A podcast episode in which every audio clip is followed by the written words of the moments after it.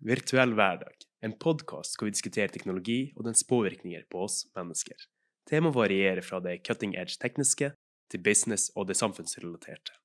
Alle episodene er naturlige samtaler, hvor vi verken forbereder spørsmål til gjestene eller klipper bort de tåpelige tingene jeg sier.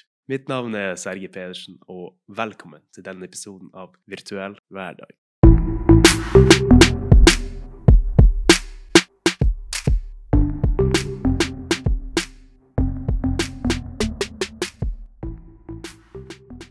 I denne episoden så har jeg med meg Tone Marie Wahlstrøm, hvor vi prater om entreprenørskap. Det er et tema som vi begge to brenner for. Og entreprenørskap handler om innovasjon innen bedriften.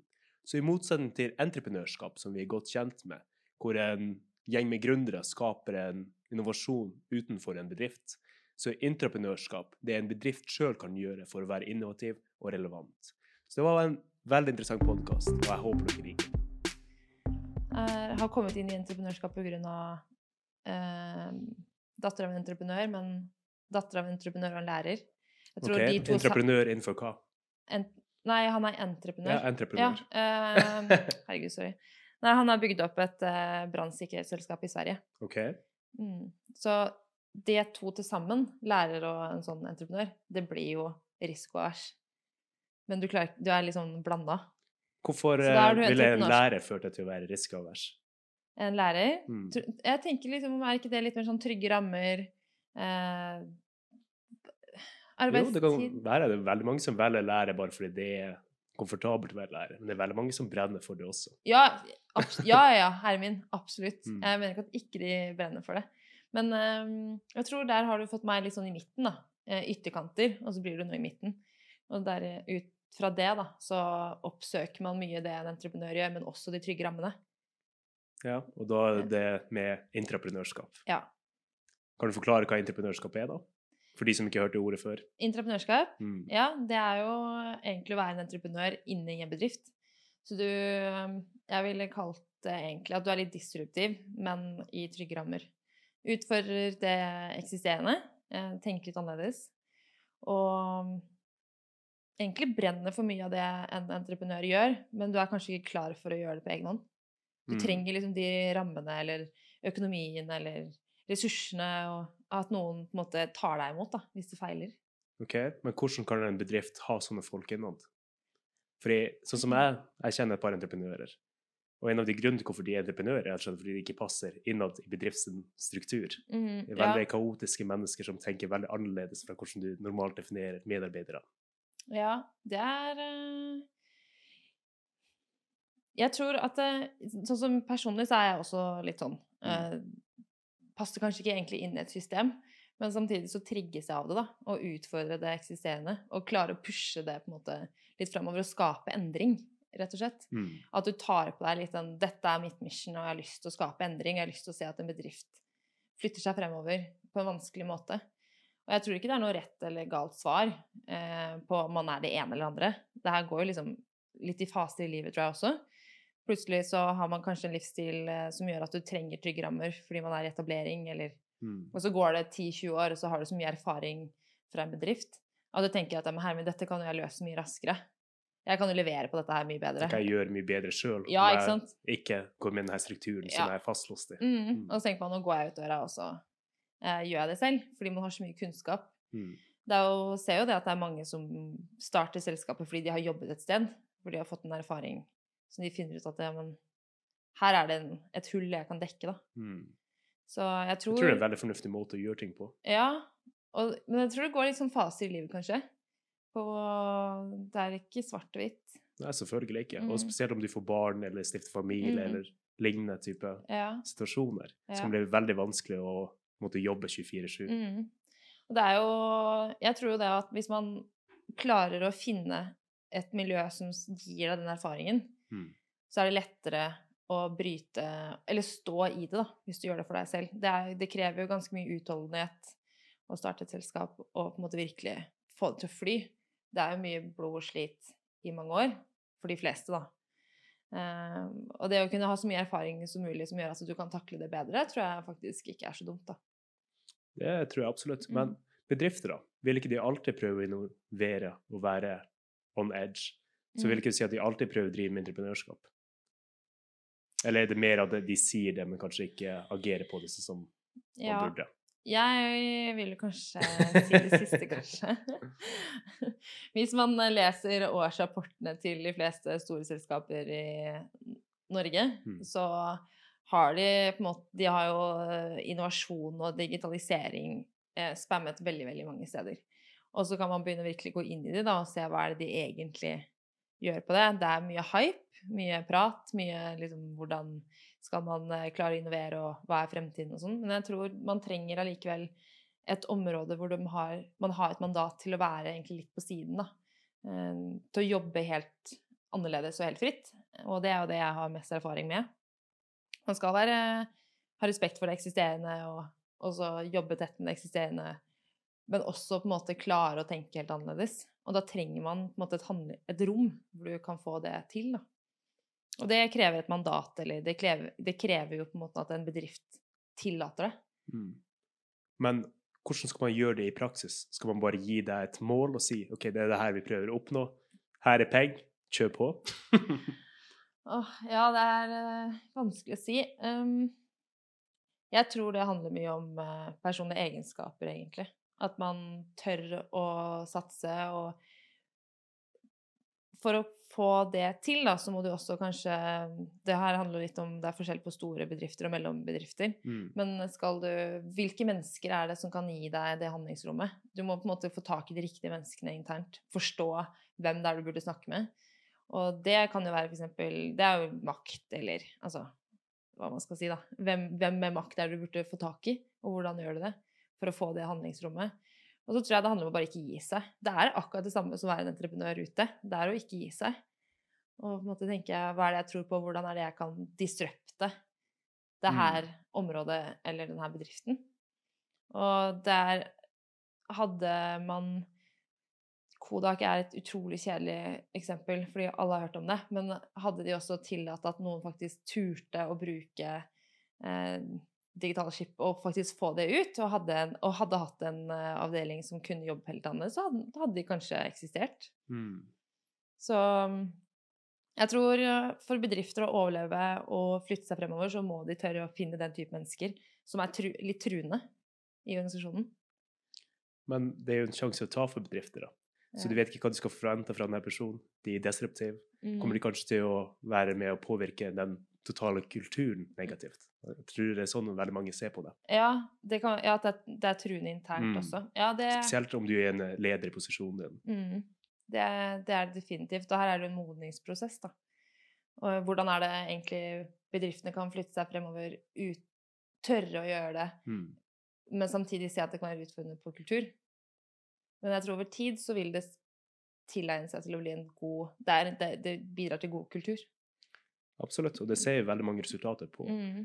At når det er litt sånn kaotisk og utfordrende, så får du fram veldig mange gode ideer også. Mm. Så, så lenge du har bare ja-mennesker som er enig i den aktuelle strukturen og hvordan du styrer bedriften, Mm. så er det veldig lett å falle i den samme tankefellen ved at dere gjør det samme som har fungert de siste ti årene, men kanskje ikke vil fungere i morgen. Mm. Ikke sant? Og det er jo veldig mange bedrifter som også velger å sette det inn i datterselskaper, f.eks., for, eksempel, for at de skal kunne eh, få den eh, Altså det, kunne konsentrere seg helt om det de skal, da. Mm. Men jeg tenker eh, det er mange måter å gjøre det på. Personer som har jobbet med det inne i en eksisterende bedrift, ikke som et datterselskap. Jeg syns jo det er vel så kult. Det er jo utfordrende. Det er jo vanskelig. Du er jo den. Du er jo den som går imot rekkene. Men jeg tror entreprenørskap er et ord som er brukt ekstremt litt i Norge. Vi, vi bruker det jo ikke. Mm. Og jeg mener at uh, vi har jo politikere som sier at uh, vi trenger nye selskaper som skal gjøre at norsk økonomien flytter seg fremover, og at vi skal overleve som stat etter oljen. Så tror ikke jeg de mener at de eksisterende firmaene skal dø ut. Selv om de heier så mye på, Nei, er entreprenør de heier så mye på entreprenørskap. Men det fins jo faktisk eh, ganske mange andre kapabiliteter som kan gjøre at eksisterende bedrifter også flytter seg fremover. Mm. Så for eksempel, Som for eksempel hvilke type kapabiliteter kan man kultivere Nei, eh, som person... Altså hvilke som bedrifter, for å faktisk ikke bli utrydda i sånn? Sånn som du sier, entreprenørskap er veldig viktig, Ja. og det er noen ting de må fokusere på. Mhm.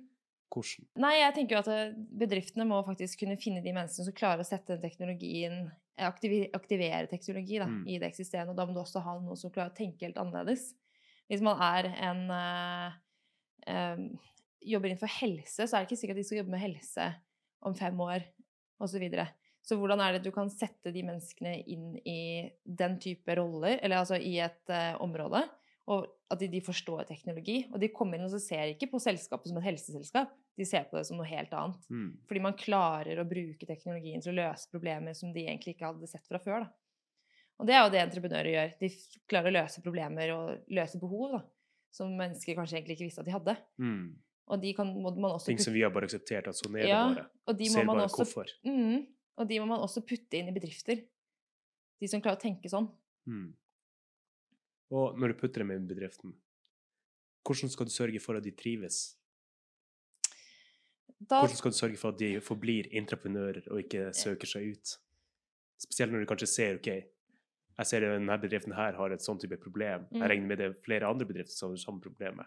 Jeg drar ut og lager denne eksterne løsningen, og så kanskje jeg bare selger den tilbake. ja, altså du tar egentlig ideen ut som Mm. entreprenør. Det tror jeg aldri du kan egentlig Det kan skje. Det er en risiko man må ta. Men jeg tror samtidig at uh, du må kunne ha et miljø som er såpass kult og utfordrende, og at du lærer såpass mye at Mm. du, det er større verdi å være der, egentlig. Å være med på den reisen.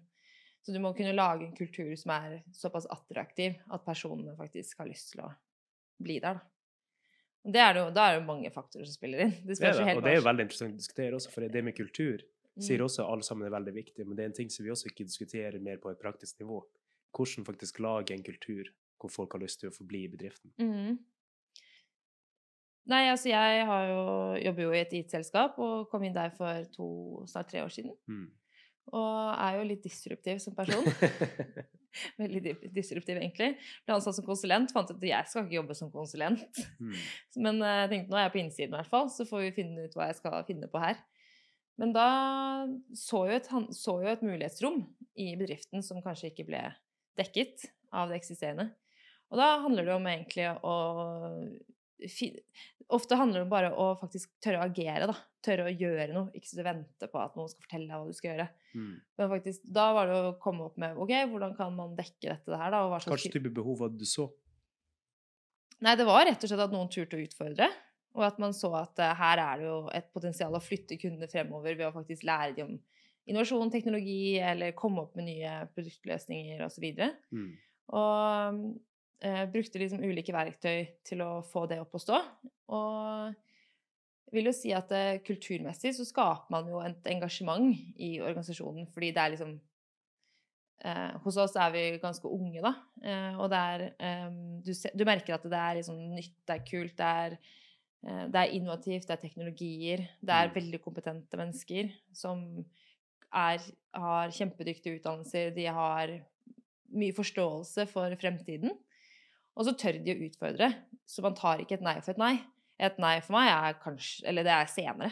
Det er, eller Spørre igjennom en time. Ja, det er, det er liksom jeg, Man må ikke gi seg, da. Mm. Eh, og det tror jeg er ekstremt viktig. Og det er jo det jeg ser tilbake på min opplevelse og reise med å ha bygget opp dette her, er jo at man har aldri gitt seg. Og det er jo det som også kanskje kjennetegner en intraprenør, da. Akkurat som en entreprenør. Og at man får seg den erfaringen ved å faktisk bare stå på. Og nei, hvis en person sa nei, så går man og spør to andre sida, og så går man tilbake. Ja, men dem to sa ja, Mm. så nå kjører vi på. Eller, ofte Jeg høres tror det er generelt er et veldig godt tips. ja, litt sånn i hvert fall tørre å ikke gi seg, og tørre, tørre å tro på sine egne ideer noen ganger. Mm. Og det er jo selvfølgelig ikke alt som skal fly. Og så må man også skjønne sin egen besøkelsestid, og når man faktisk skal drepe en idé, eller drepe et konsept, eller drepe et, et prosjekt, da. Så det tror jeg Hvordan gjør man det som en entreprenør? Hvordan avveier man hva som er en god idé, og hva som er en dårlig idé? Hva du har lyst til å få igjennom? Mhm. eh, Der er det ekstremt viktig å vite hva egentlig brukerne vil ha. Mm. Så der eh, bestemmer jo egentlig brukeren. Det tror jeg er veldig viktig for entreprenører også, vel så mye som intraprenører, å forstå at det er ikke selv om du har laget det, og det er babyen din, eh, men du har gått og testet det, og markedet vil egentlig ikke ha det. Mm. Da må du faktisk bare scrape det. Så jeg tror til syvende og sist så handler det om hva brukeren egentlig vil ha. At du må, teste, du må tørre å gå ut og snakke med brukeren, eller eh, brukergruppen. Så ikke bare sitte der og tenke det her hadde vært kult å lage. Ja, det kan, Hvorfor gjør ikke vi det? Nei, ikke sant? Det kan fort bli en sånn dyr eh, erfaring, da. Mm. Og sitter jeg hjemme i tre, eh, seks måneder og lager et eller annet, og så er det ingen som egentlig vil ha noe. Så det er den måten man eh, finner ut hvordan man skal drepe det, tror jeg. Mm. Mm. Og når du driver med entreprenørskap innenfor det selskapet du gjør nå, Mm. hvordan er det dere jobber med det?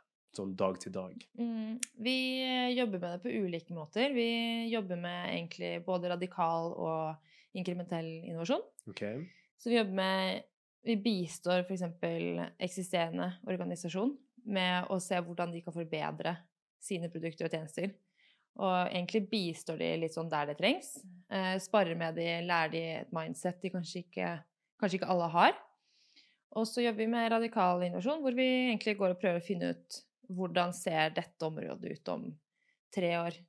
Har vi mobilbank om tre år, f.eks.? Hva skjer når VIPS kommer med QR-koder? Mm. Hva skal vi svare opp mot eh, med det? Og det vi jobber jo veldig mye mot bankfinans, og det er jo en industri som er i radikal endring. Så da må man også se hvordan du kan forbedre det eksisterende, men hvordan du også kan lage noe helt nytt.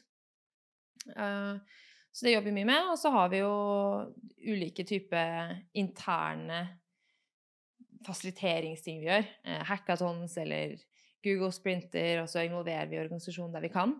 Å, og det skaper jo også en annen kultur. Du flytter kulturen fremover. Mm. Eh, Og det du opplever i løpet av de hackathons, er jo kanskje ting som man kan lære av Mm. bruke internt i bedriften. Ja. Komme opp med nye ideer og Og så lager vi jo Vi er jo multidisiplinære team, så vi dekker Vi skal kunne dekke en um, Altså alt fra kompetanse fra idé til realisering, da. Og da lager vi f.eks. konsepter, eh, tar de ut til markedet, tester det. Mm. Og så kanskje vi scraper det, eller så kanskje vi setter to konsepter sammen, eller Og så på en måte jobber veldig iterativt og veldig agilt. Hvordan skiller eh, entreprenørskap seg fra sånn generell R&D department, sånn som vi har sett Mm. har eksistert over lengre tid? Jeg tror entreprenørene jobber faktisk litt friere. Mm. litt mer fritt. Blir kanskje ikke målt på samme måte som det en R&D department blir. Men eh, Og så jobber de også tidligere i designfase, så mye mer brukersentrisk enn det man gjør ellers. Så det, jeg tror du, du har med deg en hel verdikjede. Det er sånn vi gjør, da. Men vi er jo også en innovasjonsavdeling. Og vi er eh, Så det er viktig å ha med seg, da. Vi er jo en gjeng entreprenører som jobber i innovasjonsavdeling. Så da skal man kunne dekke en hel verdikjede, og så måles man kanskje på en litt annen måte. Mm. For det er ikke bare på du, Vi måler ikke bare på penger, men man kan måle det på kultur. Man aldri på markedsføring og brand. Eh, vi som selskap eh, ble ikke skåret like høyt på innovasjon for to-tre år siden. Det har vi bidratt med, at man har skåret det høyere. Så det er en del eh, andre Du kan måle på flere områder, da. Ja, for jeg tror det er den som veldig mange stiller seg om de sitter i bedriftslederroller og tenker Mm. OK, hvordan skal jeg få verdi ut av det, hvordan skal jeg måle det, hvordan skal jeg vite Mm. om de er suksessfulle og ikke bare sitter der og lager gøye ting? Ja. Nei, det er jo Jeg tror det er veldig vanskelig å finne ut av det. Og hos oss så har vi egentlig Det har vært vanskelig å måle det Mm. sånn i kroner og øre. Annet enn det, de prosjektene du selger. Men uh, man har på en måte opplevd en endring. Organisasjonen ser en effekt. Mm. Og man ser at For det første så er vi veldig inkluderende. Vi skal jo ikke være entreprenører som kommer og eh, disrupt en hel, et helt produktområde som, fordi vi skal finne på noe helt annet, og så skal de noe Så skal det produktet dø ut. Man er inkluderende, og man bistår til en kultur. Men det er, det er helt klart vanskelig å måle, og det er en kost som også en bedrift må være villig til å ta. Så det er jo der det starter, at man er villig til å satse på det. Og tør å bruke litt penger på det. Mm. Men vil du påstå da at entreprenørskap er kun noe man skal gjøre om man er villig til å bruke mye penger på det? Eller kan mindre bedrifter i Norge også gjøre det? For Mindre bedrifter kan også gjøre det. Vi startet egentlig mer Det som det startet med, var at vi hadde internship-program. Uh, og det er et internship-program med nyutdannede som kommer inn på to til fire måneders kontrakter, som fikk helt åpne prosjekter. Og det, jo, det var jo ikke noe stor kost i det, sånn sett. De får jo lønn og så videre, men det var ikke en stor kost. Og så kom de opp med veldig kule prosjekter og konsepter. Mm. Og så, Fikk de lov til å bestemme sjøl? ja, de fikk eh, bare én setning. OK. Mm, så de fikk jobbe ekstremt uh, fritt. Og dette har vi veldig aktivt enda. Og det er, så vi har inne 100 stykker i året uh, som jobber da Og vi har 21 nasjonaliteter. Så vi henter inn fra hele verden. På internship. Ja.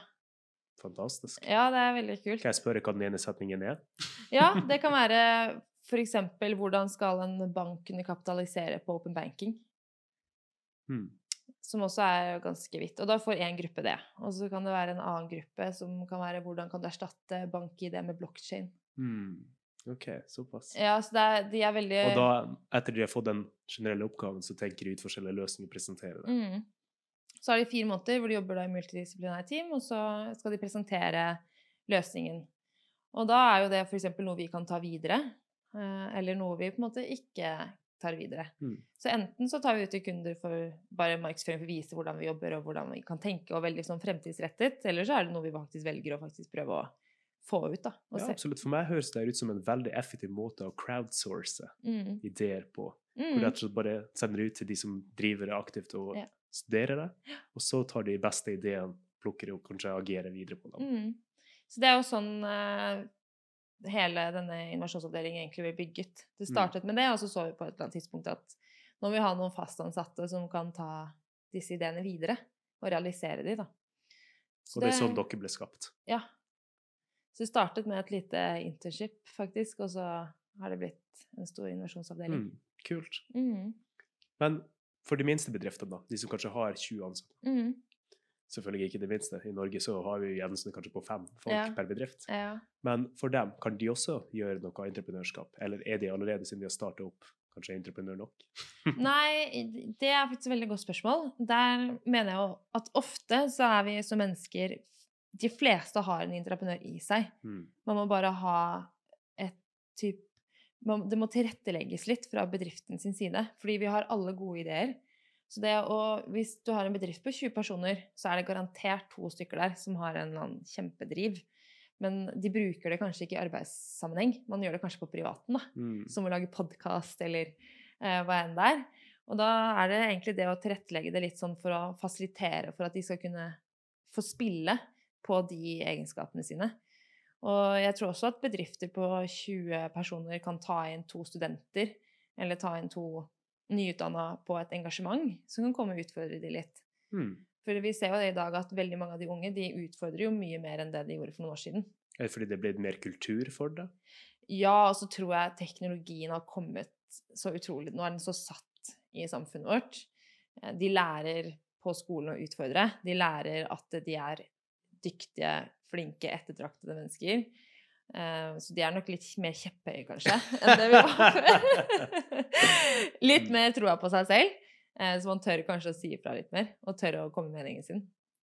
Og jeg regner med det er veldig overraskende for veldig mange av lederne å møte sånne type mennesker, og i så store doser nå. Jeg tror det. Mm. Jeg tror det kan være litt sånn eh, litt ubehagelig for noen noen ganger. Men jeg syns det er veldig kult. Selvfølgelig skal man innenfor en viss grad Man må jo liksom fortsatt holde seg litt nedpå. Mm. Men jeg tror også sosiale medier eksempel, har nok en del med det å gjøre. Fordi du får anerkjennelse på en helt annen måte enn det man gjorde før. Så du tør, liksom, du tør å ha litt rakere rygg. Mm. Så om du ble sparka fra jobben, så har du fortsatt nok likes på Facebook. Ja, ikke sant? Litt sånn. okay. Du Ja. nevnte en annen ting som jeg synes er veldig interessant. Det er at om du har eh, 20 ansatte, så har du i hvert fall et par av dem, Mm. 20 som har noen veldig gode ideer. Mm. Hvordan skal du trekke ut de gode ideene? Hvordan skal du få dem til å bruke dem internt i bedriften, Ja. og ikke gjøre det på siden av arbeidstiden? Vi skal uten å bruke noe eksternt, egentlig. Uten å bruke noe eksternt. Det, det jeg ville tenkt, eh, var at man f.eks. kunne sagt uh, Jeg tror som leder så må man fasilitere det litt i starten. Mm. At uh, du f.eks. kaller det inn på fredag ettermiddag, og da fra si tre timer da, før man skal hjem. De tre siste arbeidstimene på fredag. Lage litt sånn til rette, litt sånn kos. Men da at man, eh, nå, at man klarer å tillate at nå skal vi se hvordan er det egentlig bedriften vår er rigget. Hva er egentlig produktene våre? Det, hvordan kunne vi gjort det bedre? Hvordan kunne vi tenkt annerledes? Hva, hva tror vi egentlig at markedet vil ha på dette her? Hvordan kan vi jobbe mer effektivt? Eller bare begynne å stille en del spørsmål og ha Mm. egentlig diskusjoner rundt bordet. Og at man som leder også Man må som leder gå foran som et godt eksempel og tillate det. Jeg tror det starter veldig der. Og så kan man selvfølgelig få inn um, Hvis du f.eks. gir de i oppdrag da, at om en uke så skal vi snakke om innovasjon, og så skal vi snakke om eh, teknologier. Og jeg utfordrer dere til å faktisk eh, lære dere en metodikk eller og så videre. Så er det noen som går hjem og faktisk leser litt på det og gjør det. Fordi de har fått «Ah, lov. Hjemmelekse. Ja, og så er det noen andre som bare Nei, det gidder jeg ikke. Eller at man faktisk sier at nå, har, nå skal dere få tre timer Mm. på å bruke tiden akkurat som dere vil. Det er jo Litt sånn som Google gjorde Ja. med 20 mm, Fordi noen av de beste ideene de noen gang har hatt, kommer fra akkurat den delen der, Ja. som AdWords. Ikke sant?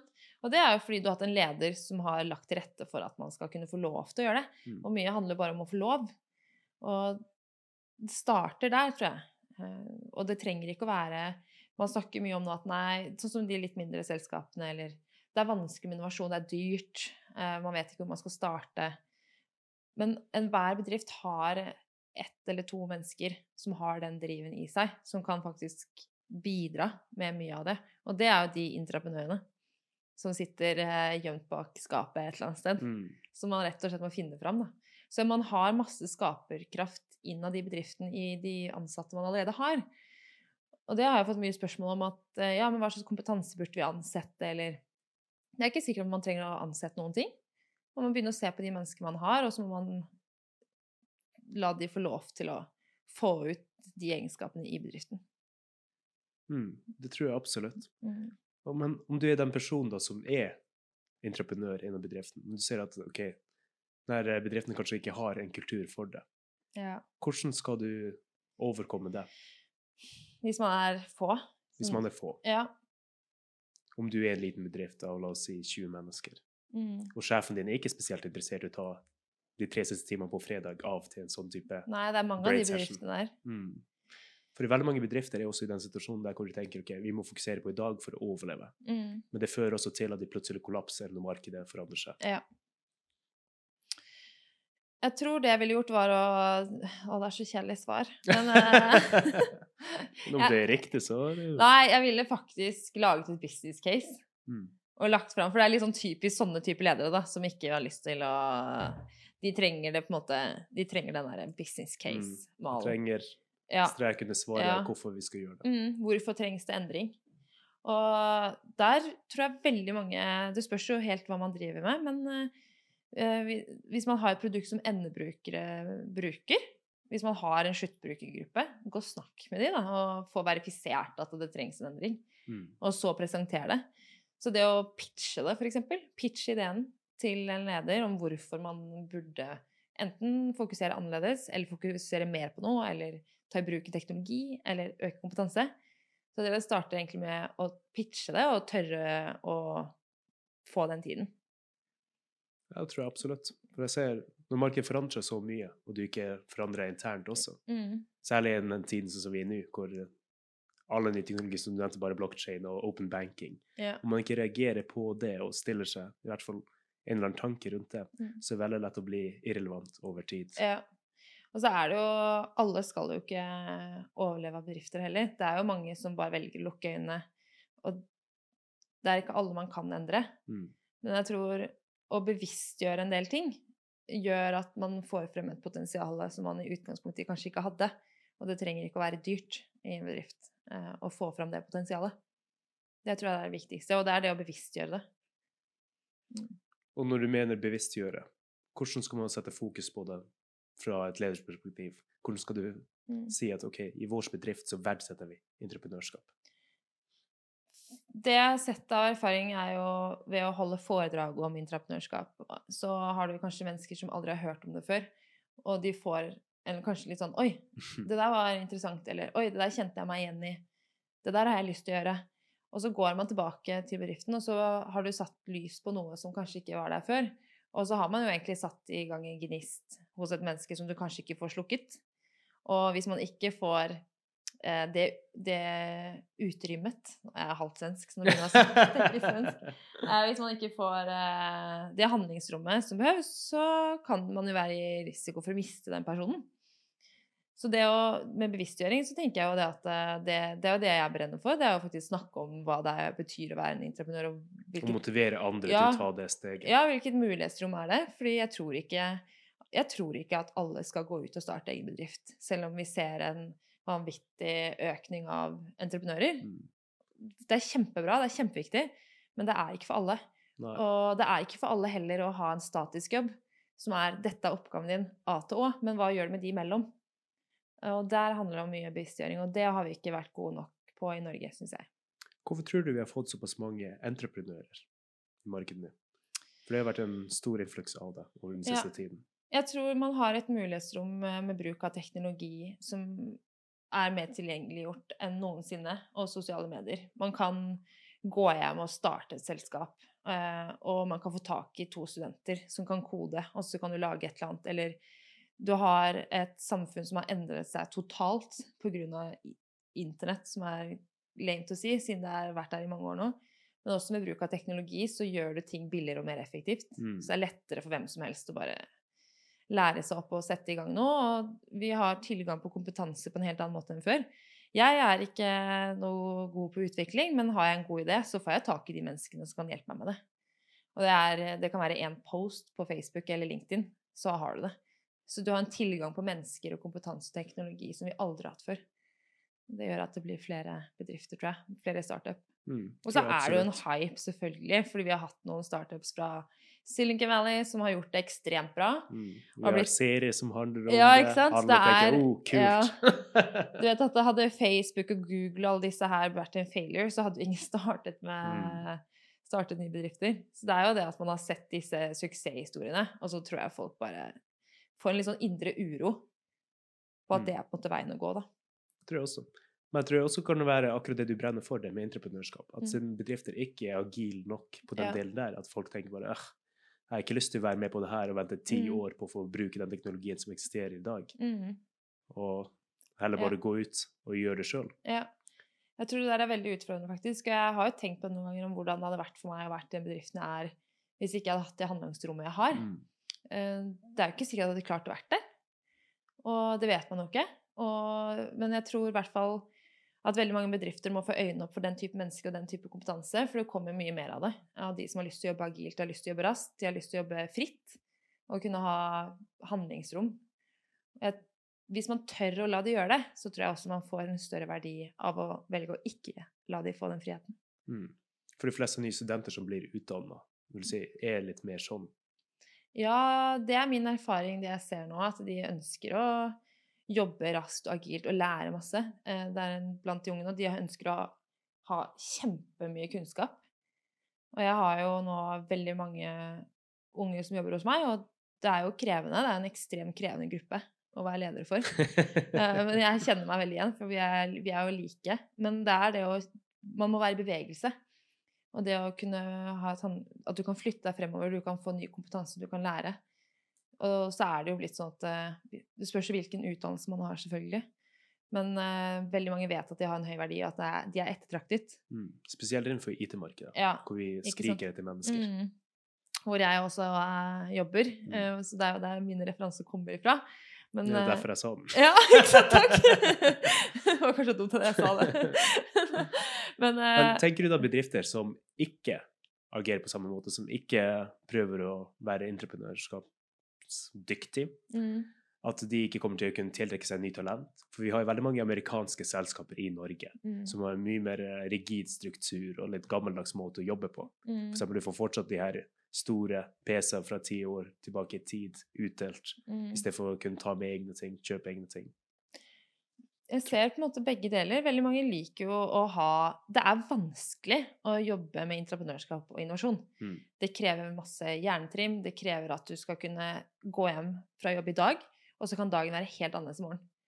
Du har ikke struktur på samme måte enn det du har en type vanlig stilling. Ting kan endre seg kjempefort, og det er vanskelig å forholde seg til. Og det, derfor tror jeg ikke at det er for alle, så veldig mange av de bedriftene som ikke jobbe på samme måte. Jeg tror de også vil tiltrekke seg talenter. Mm. Fordi det er krevende. Og man kan sitte og jobbe på et prosjekt i tre måneder som man brenner for, og så kan du komme på jobb, og så bare sånn Nei, dette tror vi ikke på lenger. Så vi, vi, den, den darlingen her, den skal vi drepe. Ikke sant? Det, er, eh, det, krever, eh, det krever en del utholdenhet, Mm. og du må være veldig agil. Så det er ikke for alle. Nei, jeg hørte fra en entreprenør som jeg kjenner, at du har kun to følelser Mm. når du jobber som en entreprenør. At det er enten ekstase, eller så er det sorg. Ja. Det er ingenting imellom Nei, der. ikke sant? Jeg tror det kan være litt sånn likt å være entreprenør også. Ja, det er litt den samme følelsen. Du får stort eierskap til det du jobber med, og så vet du egentlig ikke helt hvordan ting plutselig ser ut. Mm. Og ting flyter litt i hverandre. Det er, måte, det er ikke A, B, C.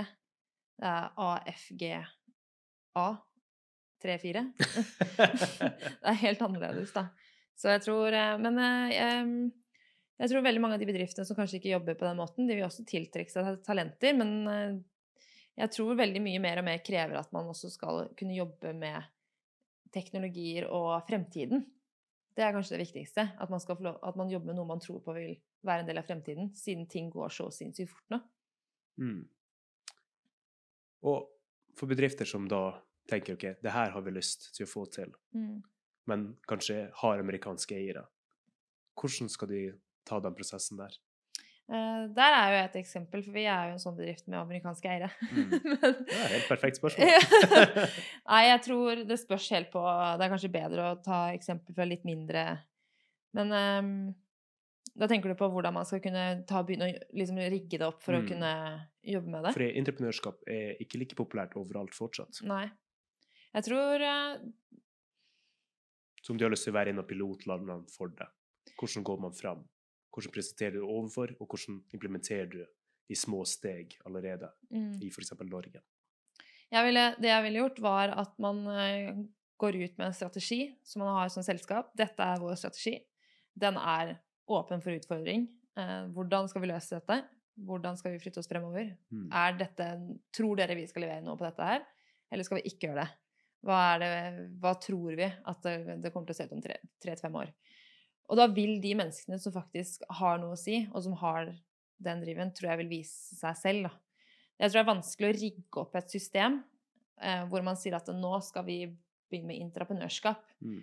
For det blir litt som det her som nå skal vi digitalisere oss. Ja, En buzzword som du bare kaster ut, som Mm. kanskje du ikke gjør noe med. ja, og så har ingen noe forhold til det. Mm. Altså, det, det tok jo meg selv halvannet år, tror jeg, før noen kalte meg for en intraprenør. Og jeg visste jo ikke hva det var, så jeg måtte Mm. gå hjem og google det. Jeg ble kalt intraprenør. Jeg skjønte jo Bare, fornærmelse? ja, altså, Og så skjønte jeg herregud, det er det jeg er. Mm. Da følte jeg plutselig et forhold til det, og jeg syntes det var veldig kult. Så jeg tror man, man må passe på ikke lage for mye system, og ikke sette innovasjon i system, og ikke sette mennesker i for mye system. Men kanskje kaste ut utfordringer som gjør at de menneskene vil vise seg selv. Da. Mm. Så bare kaste de ut og se hvem som plukker dem opp. Ja, litt sånn å prøve å skape en kultur. Kanskje ha, en form for open innovation-kultur innad i Hva det betyr. At du, du skaper en kultur hvor du setter egentlig alle rundt bordet, Mm. og så kan de komme med ideene sine. Og så kan de komme med spørsmål. Altså det må være litt sånn nedpå.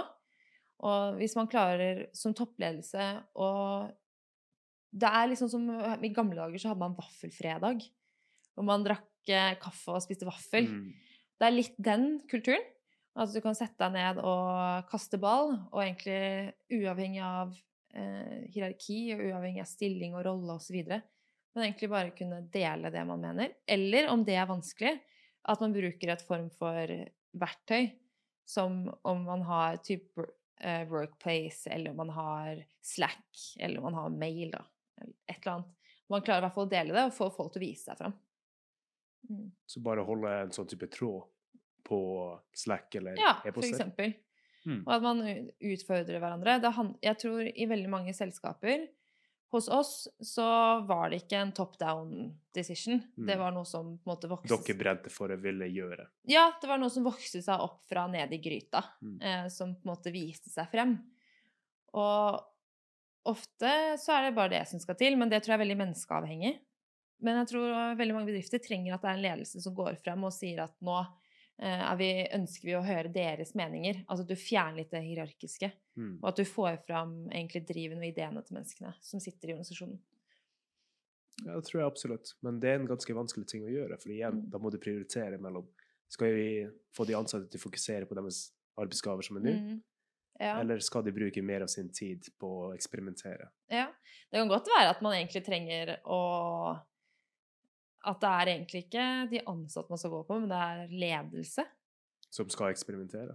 Nei, som egentlig må læres Som å forstå eh, sense of urgency. Mm. Hvordan skaper du en sense of urgency hos ledelsen? Som faktisk må tilrettelegge for de ansatte at nei, vi må prioritere å høre på de ansatte og få inn ideer og få inn nye forslag på hvordan ting skal gjøres. Så du må ha Det er kanskje topp Mange må kanskje gå rett på toppledelse. Og utfordre dem der? Ja, jeg tror nok om noen år så er det nok mange toppledere som skjønner at shit At ikke jeg tenkte At ikke jeg hørte på den eller den, eller Mm. De har jo snakket om dette, og oi da. Eh, og så blir jo det heller eh, en vond innrømmelse, og kanskje at ting er for sent. Men vi er jo som, som samfunn veldig rigget nå for at man burde forstå at ting går fort. Så man vil jo alltid ha noen fornektere. Men eh, ja. Det er, eh, det er mye Det er vanskelig å lage kultur. Det er kjempevanskelig. Og det Det er egentlig noe man får frem ved at man gjør over tid. Så Men når du er en leder i en topposisjon, og du blir utfordra med en ny teknologi eller et nytt konsept som du ikke kjenner til, mm, hvordan skal du vite om det her er noe du har lyst til å gjøre eller ikke? For det er jo det som er en av Mm. problemstillingene når du er en stor bedrift og du jobber med mindre bedrifter som er Mm. entreprenørbedrifter, Mm. eller du er innad i i Mm. bedriften så er det entreprenører. Hvordan skal vi vite hva av det her er lurt å gjøre? jeg tror det handler om at de topplederne må ha gode mennesker rundt seg. Som er bedre enn seg selv. Mm. som forstår ting på en annen måte. Jeg gleder meg til å se eh, toppledelser som er litt mer diverse eller tverrfaglig enn det vi ser mye av i Norge i dag. Det er mye likt. Det er Mm. mange som tenker likt. Og jeg tror bedrifter må ha mennesker, og toppledere må tørre å ha mennesker som tenker annerledes enn seg selv. Da klarer man å ta en beslutning på om man skal ta i bruk en sånn teknologi eller ikke. Og når du sier diverse, mener du i form av yrke? Eller er det også alder og kjønn og sånne ting? Eh, det, er litt, det er et egentlig interessant spørsmål, fordi veldig mange snakker om mangfold, f.eks. Mm. At det går på alder, kjønn og bakgrunn. Jeg personlig mener at mangfold handler om ulike synspunkter. Mm. For du kan godt sette fem mennesker inn i et rom med forskjellig bakgrunn, forskjellig alder og forskjellig kjønn, men de tenker likt. Da har du egentlig ikke kommet noe lenger. Så du må ha en kombinasjon av det, men også at man er kanskje forskjellige personligheter, og at du har ulike synspunkt. Mm. Og det tror jeg, i min hypotese, er at det er lite av det i veldig mange bedrifter. Veldig mange tenker likt. Man har en som kan forstå finans man har, en som forstår HR man har, en som forstår ledelse man har, en som forstår markedet. Og så er de litt samme typer fordi de er i samme bransje, f.eks. Så det å tørre å få inn noen som er helt annerledes, eh, tror jeg er ekstremt viktig. Mm. Som har kanskje helt annen bakgrunn eller helt annen erfaring. Og det er veldig interessant det du sier der. For det er en av de tingene som Jeg prater også en del om å få kvinner inn i tech. Mm. Og en av de utfordringene der som vi har tatt opp, er at sånn som vi gjør det nå, så får vi kvinner inn i tech, Mm. men vi prøver å posisjonere dem til å tenke sånn som menn. Og da får vi ikke denne diversityen heller. Nei. For hva er poenget da? Nei. Det der er veldig skummelt, Mm. faktisk. Og det med kvinner i tech er et veldig eh, interessant tema. Personlig, som kvinne i tech, Mm. så har jeg litt ambivalent forhold til det. Jeg vet ikke helt om jeg heier på det, eller om jeg er imot det. Fordi personlig så vil jeg aldri ha at noen skal bruke kvinnekortet måte mot meg. At du fikk en stilling fordi du var kvinne. Mm. Eller- For det er jo den utfordringen som veldig mange sitter med, Ja. som er veldig kompetent og har fått lederrolle Mm. fordi de er kompetent. Mm. Men mange sier bare nei, det er fordi hun er kvinne. Ja, og den, så det er litt vanskelig tema. Mm. det er helt klart uh, viktig å få flere kvinner inn i teknologi, fordi de forstår problemet på en annen måte enn menn. Ja, og de kan bidra med de synspunktene, så vi dekker de biene sånn som de har. Mm. Det ser vi på veldig mange produkter sånn som vi har skapt. som ikke egner seg for begge kjønnene. Mm. Og derfor er det Men det er en stor jobb som må gjøres. Jo, I samfunnet i dag så er det 28% kvinner i Mm. IT. Og så, så har vi 49 eh, prosent, som er veldig bra. Ikke i da konsern, men i avdelingen jeg leder. Um, og det vi har gjort, er å hente inn kvinner fra utlandet. Mm. Rett og slett fordi vi i Norge henger litt en, etter ennå på å få nok utdannede kvinner eh, inn på skolen, da, eh, innenfor IT. Jeg vet vi pratet også litt om det her før vi startet denne Mm. men kan du fortelle litt om hvorfor du mener at eh, vi utdanner flere kvinner innenfor tech-bransjen i utlandet istedenfor i Norge? Jeg tror man bruker teknologi på en annen måte i utlandet. Hvis man går, Vi har veldig mange fra Kina, f.eks. Mm. Og hvis vi går til Kina, så er jo de verdensledende i bruk av teknologi. De er jo ekstremt mye lenger foran oss. Det samme er det i USA. De har lekt med teknologi på en helt annen måte enn det vi har gjort i Norden. Vi har alt til rette for at vi skal kunne bli gode på teknologi, men jeg tror ikke det har vært på en måte kult nok. Eh, eller vi har ikke hatt nok kompetanse. Jeg husker jo når jeg studerte for hva da, 10-15 år, 15 år siden, at IT Hva i alle dager? Hva var IT? Jeg har aldri visst hva IT Mm. var før jeg begynte å jobbe i IT. Så det er for lite, det er for dårlig informasjon. Og det begynner jo på en måte å komme seg. Men i utlandet så bruker jenter teknologi på en annen måte. De bruker det på samme måte som guttene, egentlig. De blir introdusert med det tidlig. Det er, det er, de leker med teknologi fra ung alder. Og det har vi ikke i Norge i dag.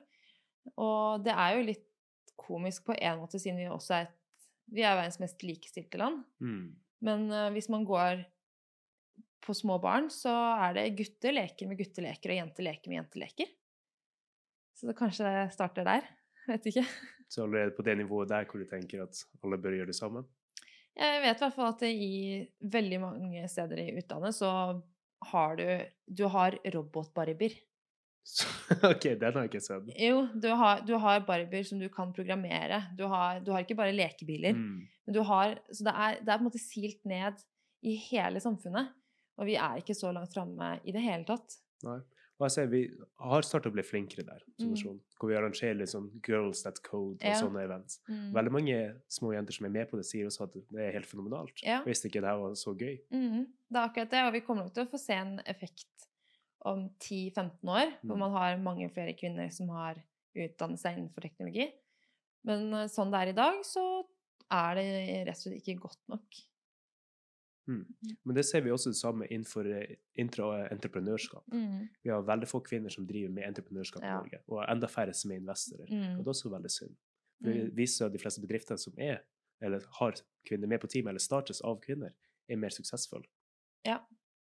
Og der jeg har prøvd å gjøre litt forskning på akkurat det, hvorfor det er så få kvinner som starter bedrifter og som blir entreprenører. Mm. Det samme kan man si hvorfor det er så få kvinner i ledelse. Og det som egentlig har funnet fram til, som kanskje kan være en, ikke noe hovedgrunn, men som kan være et element, det er jo at man er ikke like risikotager som det menn er. Menn tar mye lettere risiko. De er ikke redde for å feile. De har kanskje litt mer balls enn det jenter har. Tøffere i ryggen, har litt mer troen på seg selv, så de bare gønner de på litt sånn ukritisk. Ja, Eh, det her går bra. det ordner seg. ja. Gutta syns jeg er kule allikevel, mens Mm. jenter er litt mer opptatt av eh, Hva kommer folk til å tenke? Ja, man har litt mer annet eh, blikk på det. Man vurderer seg selv på en helt annen måte. Ok, Og hva kan man gjøre med det, da? Jeg tror man Nei, hva kan man gjøre med det? Man må fremme de kvinnene som faktisk har eh, fått til ting, og Mm. hvordan de har tenkt, og hvilket mindset de har. Og så må man prøve å lære seg å tørre, og kanskje ja, være tryggere i seg selv på ulike måter. Det kan være at man skal, må kanskje forbedre selvfølelsen sin, eh, eller selvtilliten, Mm. eksempel. Men eh, ja. Jeg tror en av de tingene som kanskje også kan bidra, er å framme ikke bare de som får det til, men framme de som prøvde og Ja, ikke fikk det til, og vise at det her er ikke negativt. Mm. Hun overlevde. Ja. Hun prøver igjen. Mm. Ja, tørre å faktisk At man har turt å gå Mm. en vei, da. Fordi om du bare fokuserer på de som er supersuksessfulle, så tenker man kanskje ok, det der kan det aldri være. Mm. For vi har jo et par av de kvinnelige grunnene i Norge som er veldig suksessfulle. Ja. Og det er veldig mange som tenker at ok, Mm. hun har sikkert noe spesielt ved henne. Ja. ja, det er faktisk veldig godt poeng. Det er jeg helt enig i. Om vi da går tilbake til med entreprenørskap. Ja. For der har vi også ikke spesielt mange kvinner. Eh, Kunne det vært en måte å få kvinner inn i tech-bransjen på? Ved å åpne opp for mer sånn type roller? Det tror jeg absolutt. Det, hvis man skal se på at eh, kvinner er ikke eh, er, Eller de er ikke så glad i risiko, for Mm. eksempel. Jeg ser jo det, vi har jo utrolig mange kvinnelige søkere eh, inne hos oss. Og jeg tror man du får, Hvordan får dere det til? For jeg tror det er veldig mange som er interessert i å høre akkurat den delen der. Ja, du, det er egentlig litt fascinerende, fordi der startet det med Jeg har alltid kun annonsert på Finn. Mm. Og allikevel så har vi jo veldig mange nasjonaliteter. Og der har det egentlig blitt litt sånn word by mouth. Men hvis man bruker sosiale medier litt aktivt, så tror jeg man når ut til veldig mange. Og det trenger ikke være mer enn LinkedIn, f.eks. Men eh, det handler litt om rollebeskrivelsen og hva du egentlig søker etter. Og jeg ser jo det at veldig mange kvinner søker fordi man får jobbe med det som er litt fremtidsrettet, annerledes, men i trygge rammer. Mm. Og så får man en erfaring som man ikke ville fått ellers. Og det er, tror jeg er veldig attraktivt. Så det, òg er jo noe som jeg ser at tiltrekker kvinner. At man kan jobbe på den måten. Og Man kan jobbe disruptivt, bare innenfor ja, rammer. Mm. Trygge rammer. ja. Jeg kjenner jo det selv. Mm. Jeg er jo en sånn eh, selv. Jeg er ikke klar for å gå ut og starte eget selskap, eller Selv om jeg like gjerne burde gjort det, for jeg jobber jo mye. Men eh, du liker på en måte de rammene, da. Og heller få så mye erfaring som mulig. Og sånn tror jeg det er for flere kvinner også. Hvis man skal koble det opp mot eh, kvinnene. Ja, og i tillegg, som du sier, så får du jobbe med moderne teknologi. Ja. Som kanskje ikke alltid du får gjøre i, heller i nyoppstartede bedrifter. Det Mm. kan godt hende du gjør det, men du klarer ikke å tjene penger på det. Nei. Og det, og, og det henger jo sammen. For hvis man er du, Hvis ikke du har studert IT, Mm. fordi det er for få kvinner på IT-studiet, så har man ikke forståelsen for den teknologien heller, så du vet ikke hva du skal starte. Mm. Så alt henger jo på en måte sammen. Men vi ser jo nå at uh, skolene i Norge har jo nå overkant av kvinner på IT-studiene. De har det, Ja, ja, det øker veldig mye, og snittet begynner å bli høyt. Mm, så bra. Så ja, men det er litt interessant å se hvordan effekt vil det få om noen år igjen, når gutta plutselig ikke kommer inn. for det du sier der, er også ganske interessant, for Ja. jenter som oftest performer bedre på Mm. videregående og universitet enn gutter. Så Ja. hva som skjer når gutter blir Ja, og det der begynner faktisk å bli litt ringvirkning når f.eks. NTNU har så høye snitt, Mm. og at guttene etter hvert faktisk begynner å slite med å komme inn. Så hvordan vil det se ut om 20 år? Kan jo hende at det har snudd helt. Man vet aldri. Og jeg tror Jeg man må, ha man må ha balanse på begge deler Mm. er ikke, det, og det er ikke bare kvinner det handler om, det er, men det er mangfold. Da. Man må, det, er, det er derfor det trengs kvinner. Det er ikke fordi det skal være 50-50. Jeg tror ikke man skal oppnå 50-50 i en bedrift. Eh, At det skal være et mål i seg sjøl. ja, jeg personlig syns ikke det. Fordi det burde ikke handle om bare det. Det burde handle om mer. Men det er absolutt eh, viktig å ha likestilling, og at man har en viss balanse. Mm. Men det handler mer om mann og kvinne. Når du prøver å øke diversity, hvordan går man fram med det? For du sier dere er for 23 forskjellige nasjoner Mm. på internships. Mm. Hvordan klarer dere å få det? Hvordan vi klarer å få de ulike nasjonene? Det er jo så mange forskjellige nasjoner på en gang. Uh, nei, vi det vi, det, Og det her er egentlig veldig fascinerende. Fordi vi bruker en rekrutteringsprosess hvor Mm. vi har gamific, gamification. Så man må game seg gjennom noen spill. Og den er jo nøytral. Okay. Og sånn har vi også fått flere kvinner. Eh, fordi den er, de klarer å spille seg veldig godt gjennom de spillene og får bra poeng, og så kommer de inn på intervjuer. Men det vi har gjort der, er å prøve å, å få folk fra ulike områder. Og hvis man søker på Veldig mange fra Kina eller Asia og USA, de søker seg jo mer og mer til Europa. Fordi det er attraktivt Mm. å jobbe i Europa. Det er eksotisk på lik måte som vi reiser ut. Og søker man på innovasjonsstillinger og sånn, så dukker det jo opp. Men det er å være bevisst på at du får folk med forskjellig bakgrunn når du går gjennom CV-ene. Du skal ikke bare ha økonomer, eller vi skal ikke bare ha utviklere. Hva annet har de gjort? Eh, de har gjort i tillegg til å ta utdannelsen sin, f.eks.? Da vet man at de tilegner seg en del, de har tilegnet seg en del erfaring som gjør at de tenker forskjellig. Mm. Og så ser vi jo veldig mange av de som er hos oss, har jo gjort et eller annet innenfor f.eks. entreprenørskap eller gründervirksomhet. Vært en del av en hackathon, eller de har ja, eh, vært involvert hos en eh, startup eller Så de har, da har de litt det mindsettet, men de er helt åpenbart ikke klare for å starte noe eget ennå. Mm. At de prøvde det ut og tenkte ok, det her liker jeg, men kanskje jeg ikke tør å ta det steget. Ja, du er kanskje 20, mellom 21 og Mm. 25. Det er kanskje ikke helt tiden på én måte å starte alltid. Mm. Uh, hvis man eh, er keen på å tjene litt penger etter studiene. så det er lurt å få seg noe. absolutt sant. Greit å slutte å spise nudler. Ja. Men om vi tar ett steg tilbake, for du nevnte der med den gamification-prosessen dere hadde Mm. for rekruttering. Det høres veldig interessant ut. Hvordan dere gjør den? Nei, der har vi rett og slett at man eh, Når det dukker opp en eh, søknad hos oss, Mm. så uh, søker man. Og alle som har søkt, etter den når søknadsfristen har gått ut, så får man tilsendt uh, et spill. Og det spillet, det måler evne og uh, og et par andre elementer som, du, som du kan måle da, via den type gamifisering. Så spiller de seg gjennom to spill. Og basert på den så får du en score på hvordan man er, håndterer logikk, og hvordan du håndterer hurtighet og eh, kritisk tenkning og sånn. Eh, og den, da velger vi f.eks. at de som har scoret over eh, Ja, vi tar 50% av de, f.eks. Mm. Eller så velger vi 30% av de beste. Yeah. De får da en case, og så løser de casen. Men da vi, det Og alt det her er fortsatt anonymt. ja. Så det vi fortsatt vet da, er jo at de som har fått ehm, casen, de er jo håndtert på en måte av en maskin Mm. som er nøytral. Den, vi vet verken om det er jente eller gutt, eller eh, om det er sånn eller sånn. Nasjon eller noe. Nei, det er på en måte basert på testene, da. Mm. Så det, er, det har vært veldig stor suksess med, og det har også gjort at vi har fått opp kvinneandelen. da. Eh, Så man kan jo diskutere mye om hva det beviser, men eh, det er veldig bra. ja, for det er faktisk en av de tingene som vi har diskutert tidligere på denne podkasten, med kvinner i tech. ja. Og det at menn har en tendens til å bare kjøre på både CV og søknader Mm. ved å overrepresentere seg sjøl og sine kvalifikasjoner. ja. Mens kvinner er mye mer forsiktige med å si hva de faktisk kan. Selv om de kan være Mm. uhyre kompetent, Mm. så kan godt hende de ikke søker på en stilling for de mangler én av de Ja. ti bullet pointsene. Mens om en mann ser at han oppfyller tre av ti, så bare hei! Ja.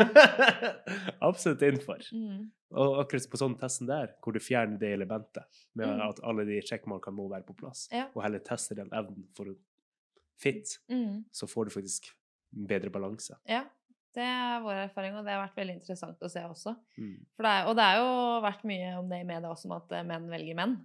Men det får du på en måte fjernet i en sånn prosess. Så det har vært veldig spennende. Tror du da at kvinner kommer til å velge kvinner? Når det blir et overtall av kvinner i IT-markedet? Sånn som det ser ut som nå, at det kanskje blir i framtiden? Basert på vår diskusjon. Jeg håper ikke det. Virkelig. Eh, Men eh, det spørs litt hvordan samfunnet endrer seg. Det er jo, det er jo eh, Kvinner har jo ofte litt sånn ambivalente forhold til hverandre. Mm. Så det spørs hvordan man egentlig utvikler seg videre som kvinner. Jeg tror ofte på en måte at kvinner konkurrerer mer med kvinner enn hva menn gjør med menn. Eh, Fordi mennene er så tøffe i seg selv allikevel. Men eh, Og så tror jeg det er lettere Nei, eh, ja, nei, ja. Det er jo veldig spennende å se, for det er Ja. veldig vanskelig å gjette på den sånn som vi sitter nå. Mm. Men det er noen ting rett og slett bare se. Det er ikke bra å ha Jeg har vært i et møte en gang hvor man kom inn, og det satt ti kvinner rundt bordet. Det er ikke bra, det heller. Mm. Det blir veldig god stemning og veldig lite effektivt. Så det er viktig å ha balanse begge veier. Det må jeg si. Så ja. Absolutt. Men nå når vi prater om framtiden, så må jeg også bare stille spørsmål. Du som jobber med entreprenørskap. Mm. Hva dere nå jobber med som du tenker ok, det her kommer til å være veldig aktuelt framover, det her er veldig stilig, det her er kult. Ja, vi jobber jo mye med Det vi jobber veldig mye med nå, er jo eventuelt hvordan eh, man skal bruke bankapplikasjoner i fremtiden. Det skjer jo ekstremt mye. Så alle det som vi ser med VIPS. Ja, jeg tror vi aldri kommer til å prøve å kopiere VIPS, men heller se hva er det de ikke gjør. Mm. Og VIPS tar jo veldig mye nå av mobilbankflate. Nå kan man se saldo i VIPS, man kan betale med VIPS, man kan gjøre veldig mye med VIPS. Og de har en ekstremt sterk roadmap fremover. Så jeg tror eh, det vi ser mye på, er jo hva er det som mangler eh, innenfor det området, som er lett å lage, som er kjapt. Og nå har jo også, det, kom, det kommer jo ekstremt mye regulatoriske endringer som gjør det Mm. mye lettere for Fintechs å operere innenfor bankfinans enn det det har vært før. Man har eh, API-er man kan bruke, og man kan gjøre, bygge sammen eh, apper på en helt annen måte. Så det ser vi mye på. Og så er det selvfølgelig hvordan man kan bruke data på en bedre og smartere måte enn det man gjør i dag. Mm. Eh, verden sitter på ekstremt mye data, og den må man kunne bruke til noe fornuftig og bra, som også gir en ny verdi. Ja, for det der med data er jo alltid en diskusjon i seg sjøl, med de regulatoriske endringene vi har også sett der i form av. GDPR. Mm. Og hva er lov til å bruke, og hva gir nok verdi når det blir brukt. Ja. Og der skal man jo Det er jo mye å forholde seg til av regulatoriske krav. Mm.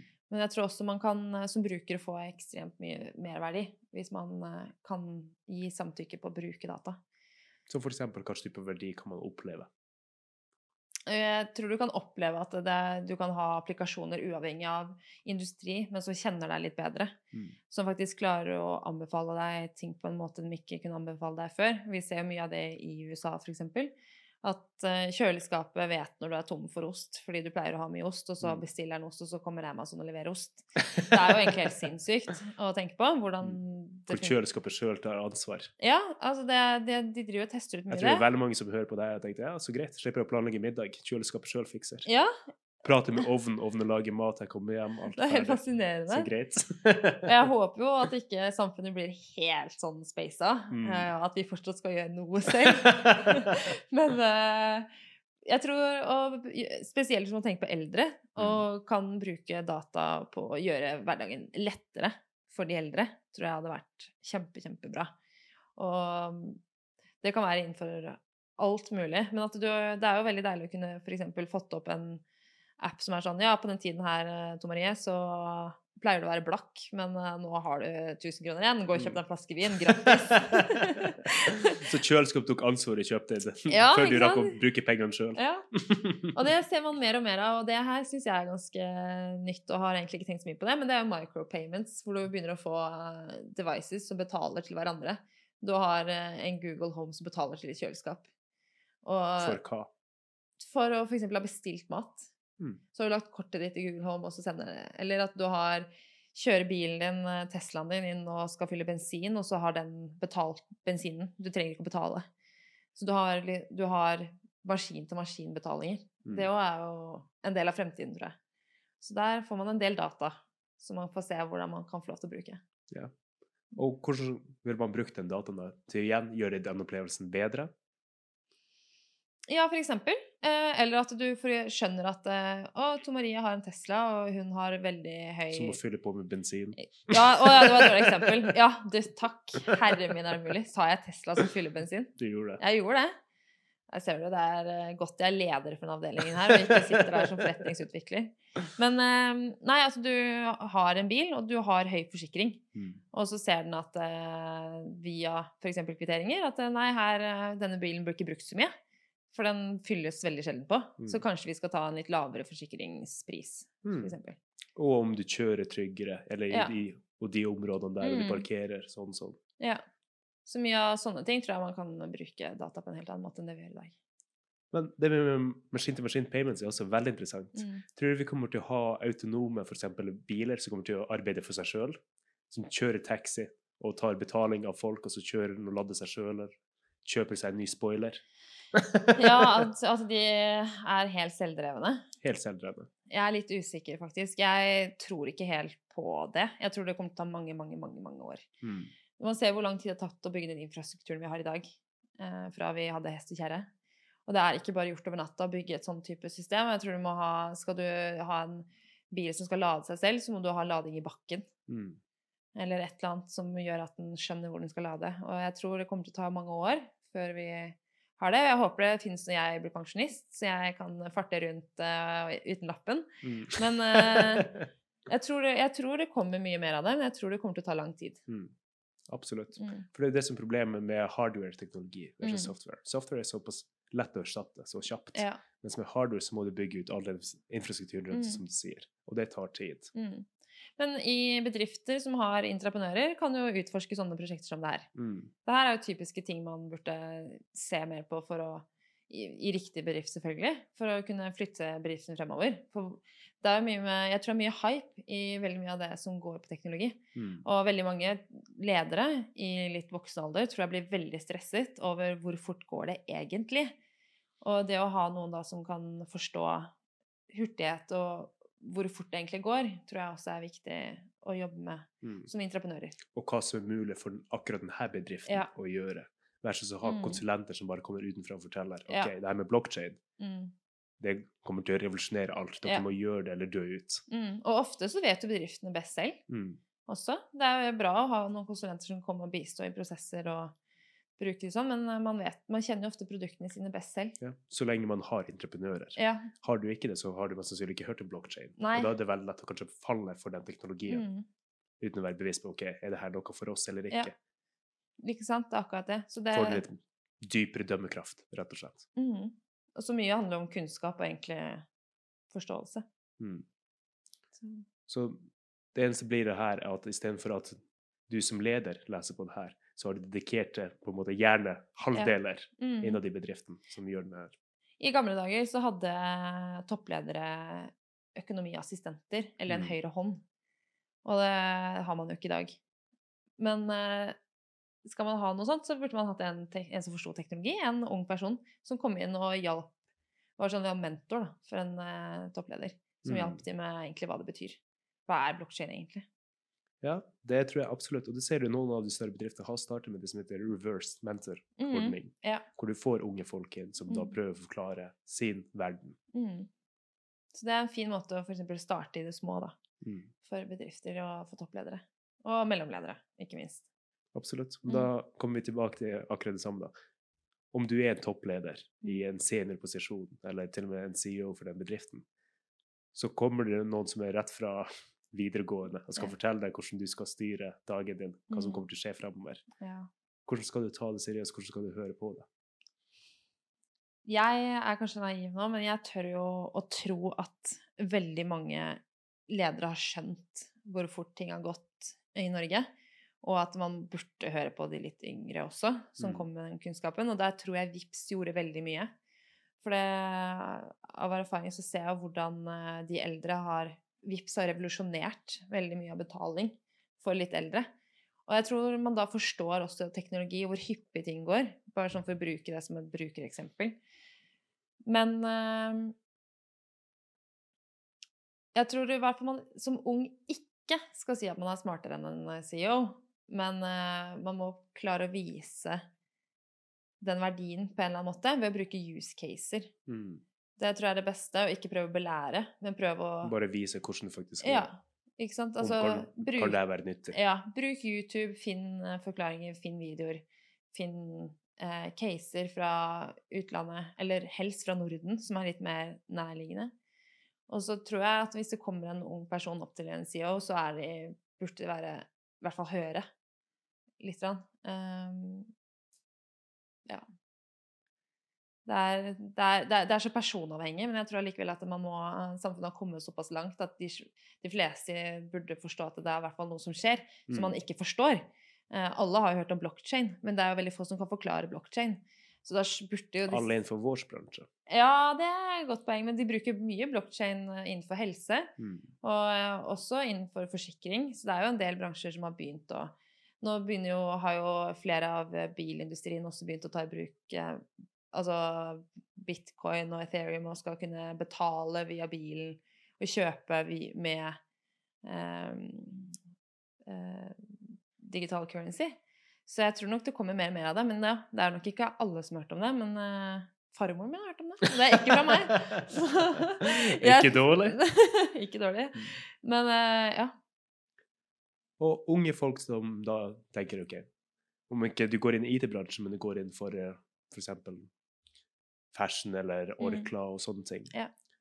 kan du fortsatt være entreprenør innenfor dem? Ja, absolutt. Vi ser jo masse teknologibruk innenfor fashion. Mm. Der er det eksempel, eh, Nå er det en butikk i Sandefjord som har tatt i bruk eh, en, for en sånn stor boks eh, som skanner deg, og så velger du hvilket klesplagg i butikken du vil prøve. Og så viser den hvordan det ser ut på deg i 3D. Oi. Så det er veldig mye man kan gjøre spesielt innenfor retail og fashion. Der eh, er det kjempepotensial. Så der burde absolutt disse butikkmedarbeiderne gå rundt og tenke hvordan ting kan gjøres mer effektivt. For Mm. helt ærlig, hvem liker å prøve klær? Det er jo ikke mange.